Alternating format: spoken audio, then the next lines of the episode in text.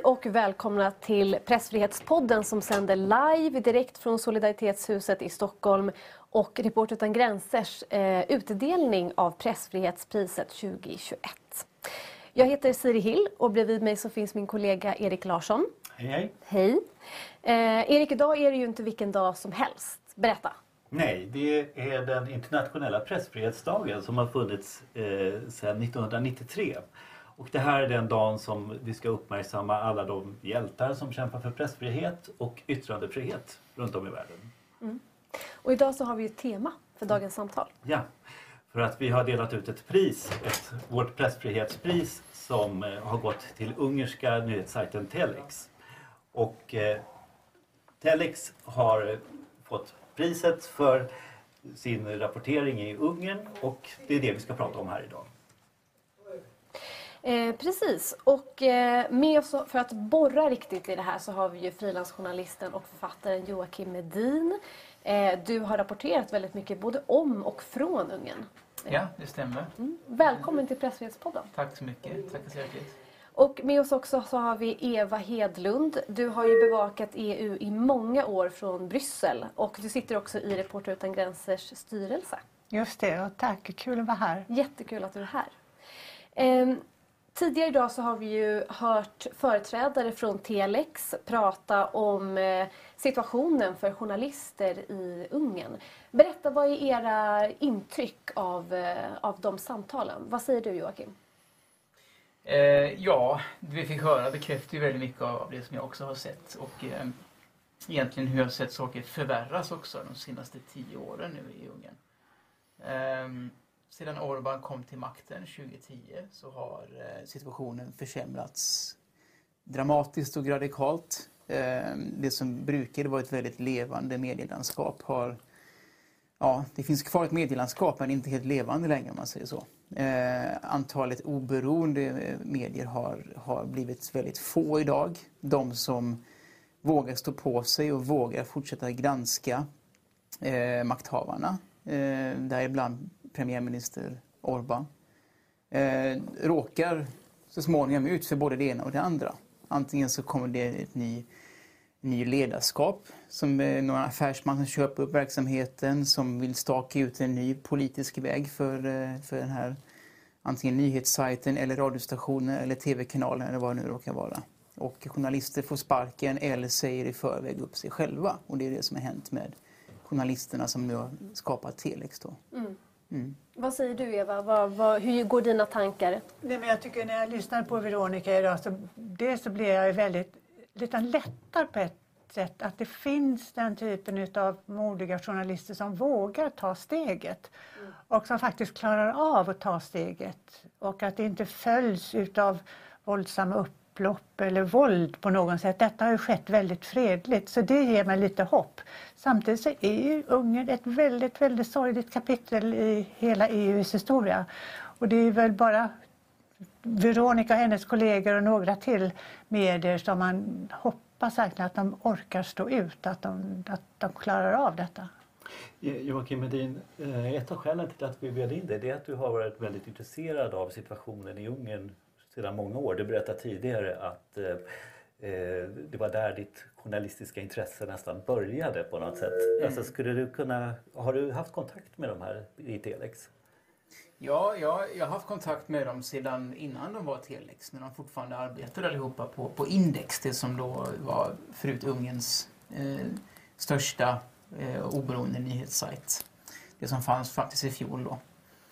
Eh, och jag besökte dem redan för flera år sedan när problemen först började uppstå från dem. När de fick eh, eh, eh det var en affärsman som köpte upp eh, annonsföretaget som stod för väldigt mycket av deras intäkter. Och det födde redan då eh, en rädsla för att de skulle mista sitt oberoende. Detta var 2018.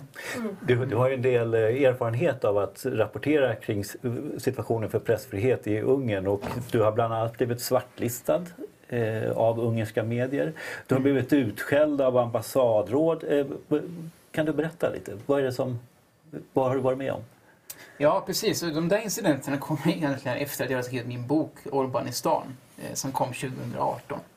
Det gjorde att eh, eh, den ungerska regeringen fick upp ögonen för mig Eh, och det, det fick jag uppleva då direkt på själva releasefesten för den här boken när eh, eh förste sekreteraren i den ungerska ambassaden i Stockholm kom dit och eh, eh, ja, kuppade sig in helt enkelt och började ropa att det här inte var en bok och att jag inte var en journalist utan det här var en attack mot den ungerska nationen och påstod att det här var sponsrat av George Soros och så vidare och försökte misstänkliggöra. han var ju inte ensam heller om jag förstått rätt. Nej, han hade med sig ett eh, dussin regeringsanhängare ungefär, eh, ungersk-svenskar.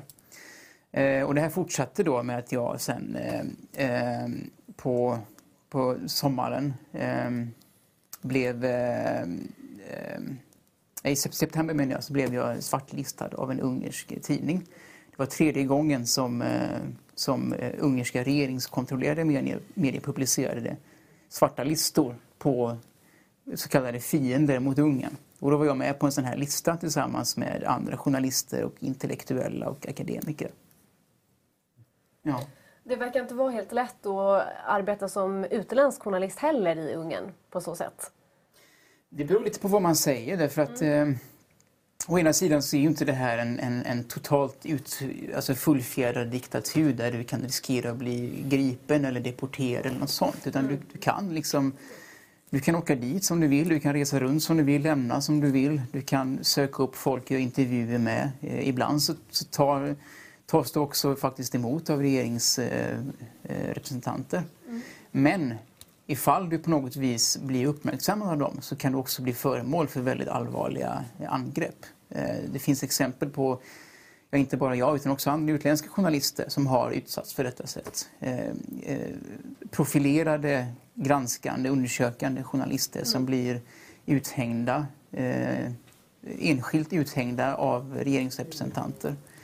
Och jag känner till mer än vad som egentligen alltid omrapporteras. Jag vet att vissa utländska journalister har fått bära sådana här larmarmband för att kunna trycka på en knapp och få hjälp. Eh, och det är sånt som journalister måste ha i ja, länder som inte ligger i EU om man säger så. Men så eh. ser alltså verkligheten ut sedan flera år tillbaka. Mm. Ett av Reporter utan gränsers främsta verktyg för att kartlägga situationen när det kommer till pressfrihet i olika länder det är ju vårt pressfrihetsindex som kommer ut varje år. Och där kartlägger vi och rankar 180 länder och regioner utifrån situationen när det kommer till pressfrihet. Eh, och nu så ligger ju Ungern på plats 92 av 180 och den här situationen har ju blivit värre år för år. Eh, vad skulle ni säga är det största hotet eller de största hoten mot pressfriheten i Ungern?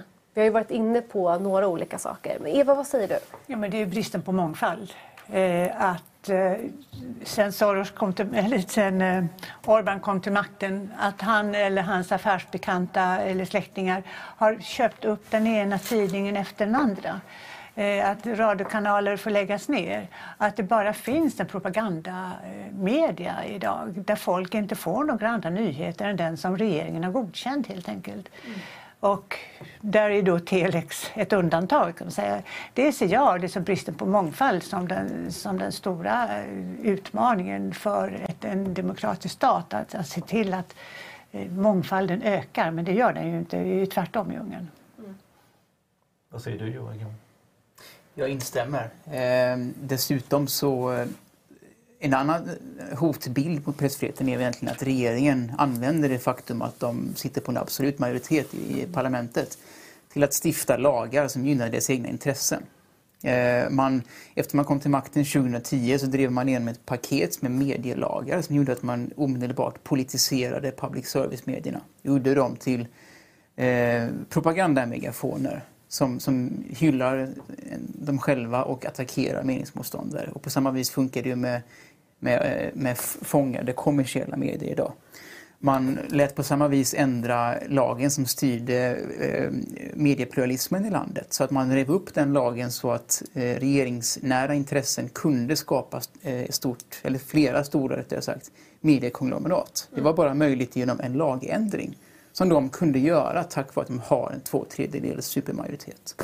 Jag tänkte på det, alltså, hur är det möjligt att det gått, gått så fort? För att eh, Ungern har ju som sagt tappat, eh, fanns på plats 10 i vårt pressfrihetsindex 2006 och ligger nu på plats 92. Och idag så eh, kontrollerar regeringen 80 procent av media Men man undrar på så här kort tid, hur, hur är det möjligt ens? Jag för igen tillbaka det till, till att de sitter på så mycket makt i parlamentet. Alltså den ungerska, det ungerska regeringspartiet Fidesz eh, under sina fyra första år vid makten, 2010 till 2014, så stiftade de mer än 800 nya lagar. Det var mer lagar, nya lagar, än under hela de 20 föregående postkommunistiska åren. Det var otroligt många lagar. Mm. Och de lagarna syftade till att, eh, till att befästa makten till att driva igenom en auktoritär agenda och till att centralisera styret i landet. Och att skapa sådana här lagar som gynnar deras egna intressen. Det gjorde att de kunde politisera public service-medierna. Det gjorde att de kunde öppna upp för att skapa sådana här stora regeringstida mediekonglomerat som idag har samlats i en enorm regeringskontrollerad stiftelse istället. 500 kommersiella regeringskontrollerade medier. Och då kan man hela tiden säga att vi har ju lagen på vår sida. Vi har genomfört de här förändringarna demokratiskt, citationstecken, i det ungerska parlamentet. Och nu gör vi ändringar enligt lagen. Och då har man kunnat genomdriva sådana här enorma förändringar på så kort tid. Mm. Vad säger du Eva? en förutsättning för allt detta som du pratar om också det är ju faktiskt att Orban är ju omåttligt populär. Kanske inte i storstaden eh, Budapest och Pech men ute på landsbygden. Han har ett stöd. Mm. Det är också en förutsättning för att han ska kunna gå framåt så snabbt som han har, som man har gjort faktiskt. Mm. Tyvärr är det ju, det har ju varit aktuellt, senaste tiden så ser vi hur vissa mediebolag har fått sin makt inskränkt ytterligare. Och jag tänkte på, det finns något som heter Club Radio och sen så finns det också det här amerikanska Radio Free Europe har börjat sända i Ungern mm. för att... Eh, eh, kan, kan, ni, kan ni berätta lite mer? Alltså, vad, vad är det som har hänt där? Mm. Klubbradio var ju den sista stora, eh, eller av, av, av, betydelse, stora oberoende radiostationen som fanns kvar i Ungern. Som sände eh, eh, e i etern då. Och eh, de började få problem redan 2013. Så det här har pågått länge, de här problemen. Och, eh, och sedan de problemen som de hade redan 2013 med att förnya sitt sändningstillstånd, eh, de, de lyckades de utverka en, en kortvarig lösning. Och den lösningen rann ut i sanden i fjol och resulterade i att man nu i februari i år inte fick ett nytt eh, tillstånd. Så nu har de försvunnit och sänder bara genom nätet. Eh, och det är ett exempel på att det här alltså inte är, är egentligen nya problem. Det här är problem som har hopat sig och funnits ganska länge. Och har liksom, några har lyckats undsmita de här problemen men det kommer ikapp dem så småningom. Men jag tänker på det, du har ju samarbetat och haft mycket kontakt med journalister, lokala journalister i Ungern. Mm. Eh, vilka strategier har de i det här allt mer eh, ja, problematiska medielandskapet skulle du säga? Ja, ja, egentligen ska man nog tala om olika slags strategier där. Mm. För vissa, vissa liksom står ju hårdnackat på sig och fortsätter eh, syssla med oberoende journalistik och granskar de politiska och ekonomiska makthavarna. Mm. Eh, hittar genvägar för att komma runt hinder. Eh, eh, använder sig av crowdfunding-kampanjen. Det har man gjort i åratal från olika håll. Club Radio gjorde det sina flera år också, sysslade med crowdfunding för att överleva. Och det är en strategi som har varit eh, framgångsrik för vissa. Samtidigt så, så finns det en mörk sida av detta också. Och det är att man upplever i dagens politiska klimat i Ungern enorma svårigheter att faktiskt kunna verka. Det är otroligt svårt för journalister att hitta folk som vågar alla gånger uttala sig och mm. medverka i oberoende medier för de är rädda för repressalier från mm. regeringssidan. Eh, det är svårt för de här oberoende medier att överleva ekonomiskt därför att alla företag som antingen har band till regeringen eller inte på samma vis vill bli utsatt för repressalier vågar inte annonsera i medierna. Och då får man ju svårt att hitta intäkter. Eh, på samma vis så som sker i auktoritära länder så är vissa journalister rädda att utöva självcensur. Trots att de kanske jobbar i oberoende medier så blir man skraj och mm. tar det säkra för det osäkra. Har du något sånt där eh, möte eller någon sån konkret situation som, du, som har stannat hos dig? Någon journalist som har hanterat situationen på ett visst sätt eller använt sig av självcensur på något vis? Eh, det har jag nog flera exempel på egentligen. Där de har sagt att, speciellt när de har tänkt efter i efterhand, att där höll jag inne med information därför att jag var rädd för att det här skulle kunna utsätta oss för en attack eller någonting skulle hända mig personligen. Mm. Och då har det varit snarare eh, journalister vid, eh, vid, vid, mindre publikationer som inte har liksom, ja, dussintals kollegor att luta sig tillbaka mot. Um, en annan starkt möte minns jag, det var med en ganska ung radiojournalist vid Club Radio för några år sedan i Budapest. Eh, som eh, redan, det här var väl 2017 eller 2018 kanske, när de också var, var nära att gå omkull ekonomiskt. Då. Eh, och han klagade på att eh, i, i ett normalt funtat land så hade jag kunnat ha en framtid som journalist. Men det här är Ungern och jag ser inte att jag har det här. Och eh, han fick ju rätt till detta att nu nu blev de ju utkastade från att sända eh, via, via vanliga etern. Mm. Jag tänker på en sak. Eh, jag brukar följa sådana här demokratimätningar och har gjort det i ganska många år. Och eh, en av de bästa demokratimätningarna det är VDM som görs i, av Göteborgs universitet. De tittar på en massa olika parametrar om ett land är demokratiskt eller inte. Och förra året så klassificerar man Ungern som en icke-demokrati längre. Eh, Eva, vad säger du om det här? Ja, då får man fråga sig hur definierar du en demokrati? Det är trots allt fria val och liknande. Men utan man säger väl istället att det är en väldigt auktoritär stat. En diktatur såg jag alldeles nyligen någon statsvetare som uttalade sig om. Men vad är en demokrati? En demokrati? I en demokrati så finns det en pressfrihet. Så där du inte styr media där staten inte styr media utan du kan, du kan eh, rapportera, granska, analysera alla företeelser i samhället utan några repressalier eller självcensur eller liknande. Och då kan man säga då är ju inte Ungern en, en demokrati eftersom man inte har den pressfriheten. Men vi har telex. Vi har telex, än så länge. Mm. Eh, Reporter utan gränser arbetar ju aktivt för att trycka på för förändring i Ungern. Ehm, Eva, kan du inte ge något eh, exempel på hur vi arbetar? Vi sitter ju alla i styrelsen här. Jo, vi har ju liksom legat på Ungern väldigt mycket. De, de instrument som Reporter utan gränser eller EU eller liknande har, de är ju inte annat än ska säga, muntliga. Man kan pressa på, eh, man kan ha möten, eh, Reporter utan gränser var, det var väl i Polen eller något annat land för inte så länge sedan och träffade presidenten och, och pratade om, om pressfriheten. Jag tror inte man har gjort det i Ungern men man har gått på vissa åtgärder som, som ungerska regeringen då har utfärdat. Ehm, det, är väl, det är väl de instrumenten och verktygen som Reporter utan gränser kan göra, att aldrig tiga still utan hela tiden uppmärksamma vad som pågår. Eh, så att det inte kan ske i det tysta. Och det kan man väl säga att där har Reporter utan gränser varit väldigt bra. Man tar hela tiden upp misshälligheter och eh, lag, lagar om det här med balanserad eh, rapportering och liknande som finns i en lag sedan några år tillbaka. Att man kan bli fälld om man inte har en balanserad rapportering. Ehm, att man ligger på. Det är opinionsbildning helt enkelt. Och, framför allt att Reporter utan gränser pushar på EU-kommissionen eh, e och mm. EUs institutioner. Det är väl där egentligen som jag tror att en organisation av Reporter utan gränsers kaliber kan, det är den rätta vägen att gå. Att gå via Ungern och ungerska regeringen eller ungerska op oppositionspartier. Jag tror faktiskt inte att det ger så mycket resultat. Utan det är andra, man ska gå genom andra som har bättre verktyg och kanske ekonomiska verktyg framför allt. Jag tänkte att eh, Reporter utan gränser, konstaterar också att Orban har utnyttjat den här coronapandemin för att anklaga journalister för att skriva, eh, sprida fake news. Mm.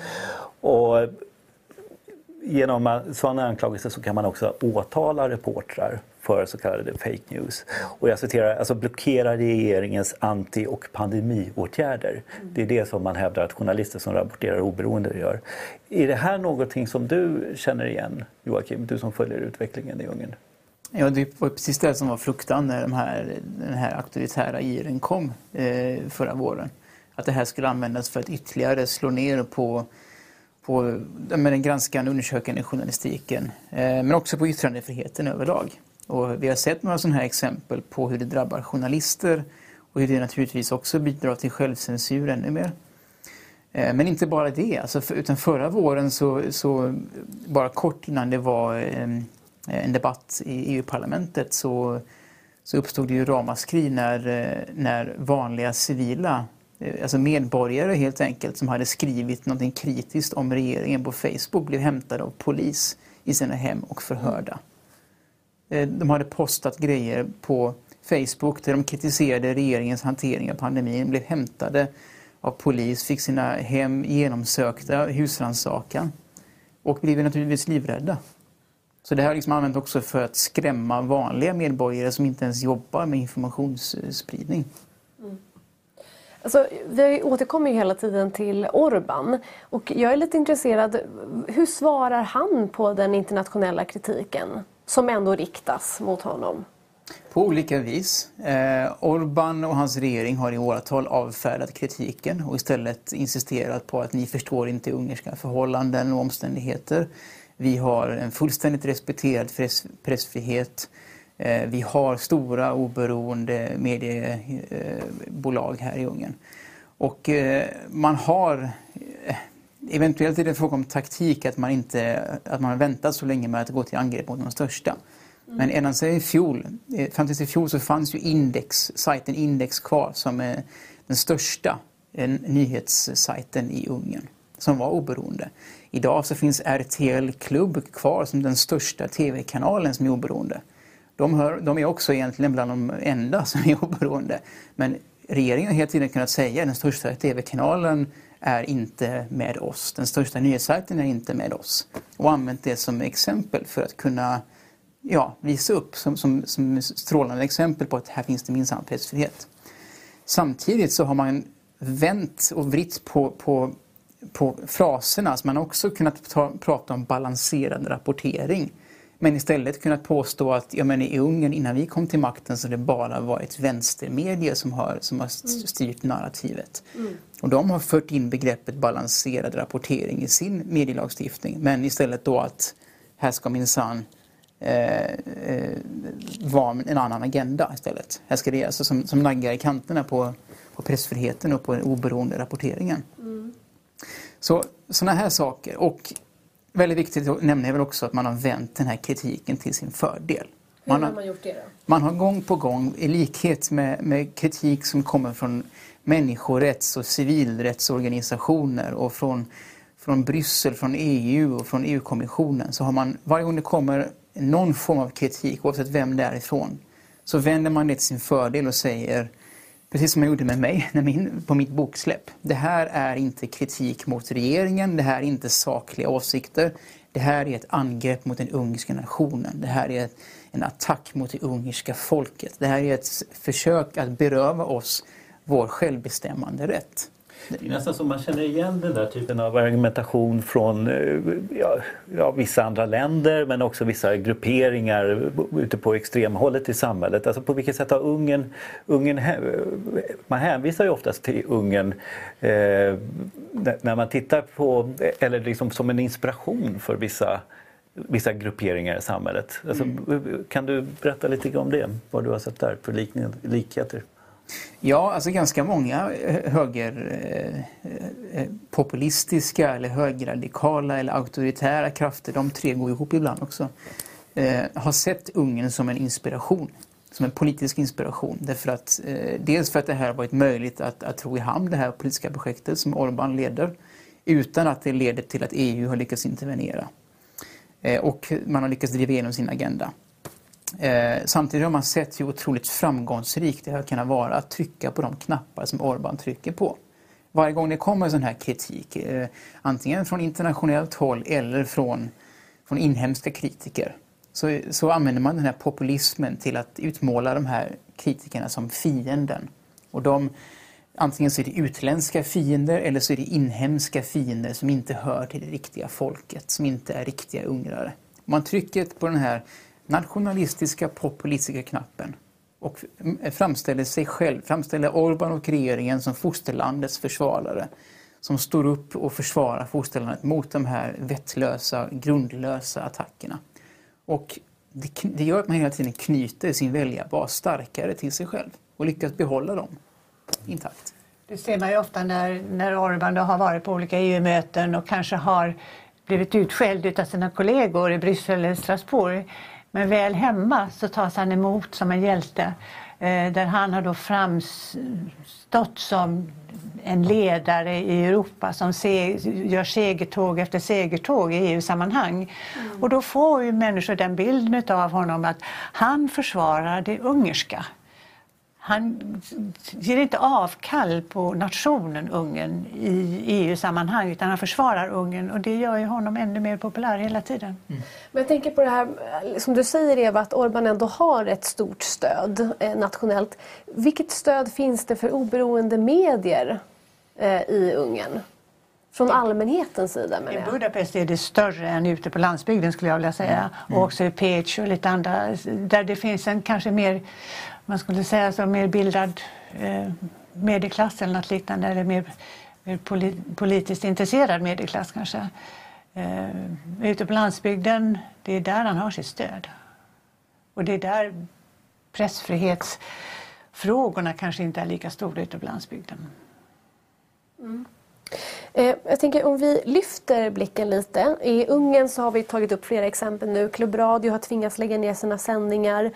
Eh, I Polen finns planer på att ta ut en avgift på mediers reklamintäkter som har lett till stora protester. Eh, I Slovenien så drog regeringen in miljö, miljonstöd till en nationell nyhetsbyrå och så vidare och så vidare efter bråk om en enskild publicering. Det här är ju EU-länder eh, och jag tänker EU har ju generellt sett väldigt hög svansföring när det kommer till frågor som rör pressfrihet. Så hur liksom rimmar det här den här utvecklingen i de här länderna med EUs höga fram, eh, ja, ja, framtoning gällande pressfrihet? Jo, men naturligtvis är pressfriheten en av de grundläggande demokratiska rättigheterna i EUs eh, konstitution och, liknande, EUs eh, fördrag. Men när det kommer till just pressfriheten så har EUs institutioner väldigt begränsad makt. Vad, vad har de för makt? Det är den ekonomiska makten som man skulle kunna använda sig utav. Man säger att det här landet uppfyller inte de kriterierna som finns i vår, vår konstitution, alltså som talar om, om, de grundläggande demokratiska rättigheterna. Man skriver inte pressfriheten uttryckligen, men man lägger in det där ändå. Eh, man har ju de senaste åren diskuterat huruvida EU-kommissionen ska kunna straffa länder som gör avsteg från de här rättigheterna. Men det, man har inte kommit så, så långt just i det. Men det är väl den enda makten man skulle kunna ha, att hålla inne ekonomiska bidrag till ett, man, till ett land som inte lever upp till de här eh, grundläggande rättigheterna. Och där har ju visat sig att det är väldigt svårt att göra det eftersom eh, Ungern är ju inte det enda landet i, inom unionen som mm eh, Eh, har minskat pressfriheten. Jag tänker att man har en allierad i Polen. Alltså, hur tänker ni? Blockerar inte alla det, de här möjligheterna för eh, unionen att göra någonting? Det gör det. Det krävs enhällighet i vissa frågor i kommissionen eller i, eh, i rådet och eh, ministerrådet. Och just här så kan ju det ena landet blockera det andra. Om, om ministerrådet säger att du, du, ni får inte pengar för det här, då får inte Ungern rösta. Men Polen får ju rösta och då röstar Polen emot helt enkelt. Så att man har väl inte riktigt tänkt så långt när man släppte in alla dessa nya medlemsländer att tänk, vad, vad ska vi göra mm. om ett land faktiskt gör avsteg från det? Man tänkte inte så långt, så man har inte de verktygen. Och om man skulle skaffa sig dem idag genom att skriva om konstitutionen så får man ju inte något stöd för enhällighet bland alla medlemsländer för att göra de förändringarna. Och ett fördrag skrivs ju inte om så lätt helt enkelt. Nej, det gör ju inte det. Men nu finns det ju, det finns ju på gång ändå någonting. Man gör små, små, små framsteg till exempel att man ska kunna använda den här lagen med hjälp av EU-domstolen kanske mm. och kunna hålla inne vissa EU-bidrag. För det, när det gäller både Polen och Ungern är några av de största bidragstagarna utav ekonomiskt stöd från, från EU. Eh, så att ett sådant innehållande utav ett bidrag skulle nog kanske kännas, det skulle kännas utav befolkningen. Kanske inte lika mycket utav liksom makten men befolkningen skulle känna av det. Eh, ett problem med sanktioner är ju att man kanske driv, kan driva ut länder åt en annan riktning. Vi har sett bland annat det när det kommer till eh, Ryssland och Kina har närmat sig efter att EU har infört sanktioner mot Ryssland. Men hur, hur tänker du eh, kring det Joakim, att sanktioner kan vara ett medel att påverka pressfriheten i Ungern? Eh, ja, det har diskuterats några år nu egentligen sedan, sedan artikel 7-förfarandet först kom upp på tapeten. Eh, och eh, vad alla är medvetna om är väl att det skulle kunna om vi bara kunde säga lite kort vad artikel 7-förfarandet är. Det är den Europeiska unionen som har... Europeiska unionens eh, mest kraftfulla in, eh, verktyg egentligen för att försöka intervenera när eh, länder gör avsteg från en politisk linje som respekterar EUs grundläggande värderingar och demokratilinjer egentligen. Eh, och Ungern är ju föremål för en sån här artikel 7-process som skulle kunna leda till sanktioner faktiskt. Eh, och till blockering av ekonomiska medel och så vidare. Eh, även om det är väldigt svårt att se att det kan gå igenom. När jag har pratat med, med regeringskritiker i Ungern eller med, med, med, med oberoende journalister och så vidare så, så ganska många har väl uttryckt att det här skulle, vara, skulle kunna funka bra som ett, som ett verktyg. Men det måste också sägas att väldigt många är väldigt besvikna idag på EU. Och, och har snarare känt att EU har under de senaste tio åren lyft upp eh, Orban i armhålorna så att säga. Det är de som har hållit uppe eh, regeringen. Mm. Ekonomiskt sett med sina enorma eh, budgetutbetalningar. Så varför skulle man lita till att EU ska göra någonting efter allt som redan har hänt? Vi har inte så mycket tid kvar här innan vi ska avsluta sändningen men jag vill ställa en sista fråga bara. Eh, ni har en ganska mörk bild som ni har lyft fram här idag. Finns det något hopp? Finns det något ljus där ute? Alltså, kommissionen lade fram en handlingsplan i december förra året som handlade just om pressfriheten och under året, i år, så kommer det olika lagförslag som handlar om just ökad pressfrihet och skydd för journalister. Så där, det kan jag se som en liten, liten glimma utav hoppen då. Joakim, helt kort. Vad säger du? Finns det något ljus i tunneln? Ja, det finns ljus i tunneln. Vid de senaste lokalvalen i Ungern så, så vanns till exempel kontrollen över Budapest av, eh, av oppositionen. Eh, och det skulle kunna signalera att eh, en likadan politisk möjlig, eh, förändring är möjlig också på nationellt plan med lite tur, eller ganska mycket tur. Och det som är nytt är att inför valet 2022 så har alla parlamentspartier som är i opposition bestämt sig för att stå på en gemensam lista. Så det här skulle faktiskt kunna å ena sidan leda till ännu fler repressalier mot pressfriheten och å andra sidan faktiskt kunna leda till riktiga parlamentariska förändringar. Så eh, tror vi på, vill vi ha demokrati i Ungern så får vi hoppas på en sån utveckling helt enkelt. Toppen hörni. Stort tack för att ni var med och eh, gästade oss i Pressfrihetspodden. Joakim Medin, frilansjournalist och författare och Eva Hedlund från Reporter utan gränser. Tack så jättemycket för att ni var med. Det var jättekul att ha er här. Tack. Tack själva. Tack. Och med det så avslutar vi dagens sändning av Pressfrihetspodden men också vår digitala prisutdelning av Pressfrihetspriset 2021.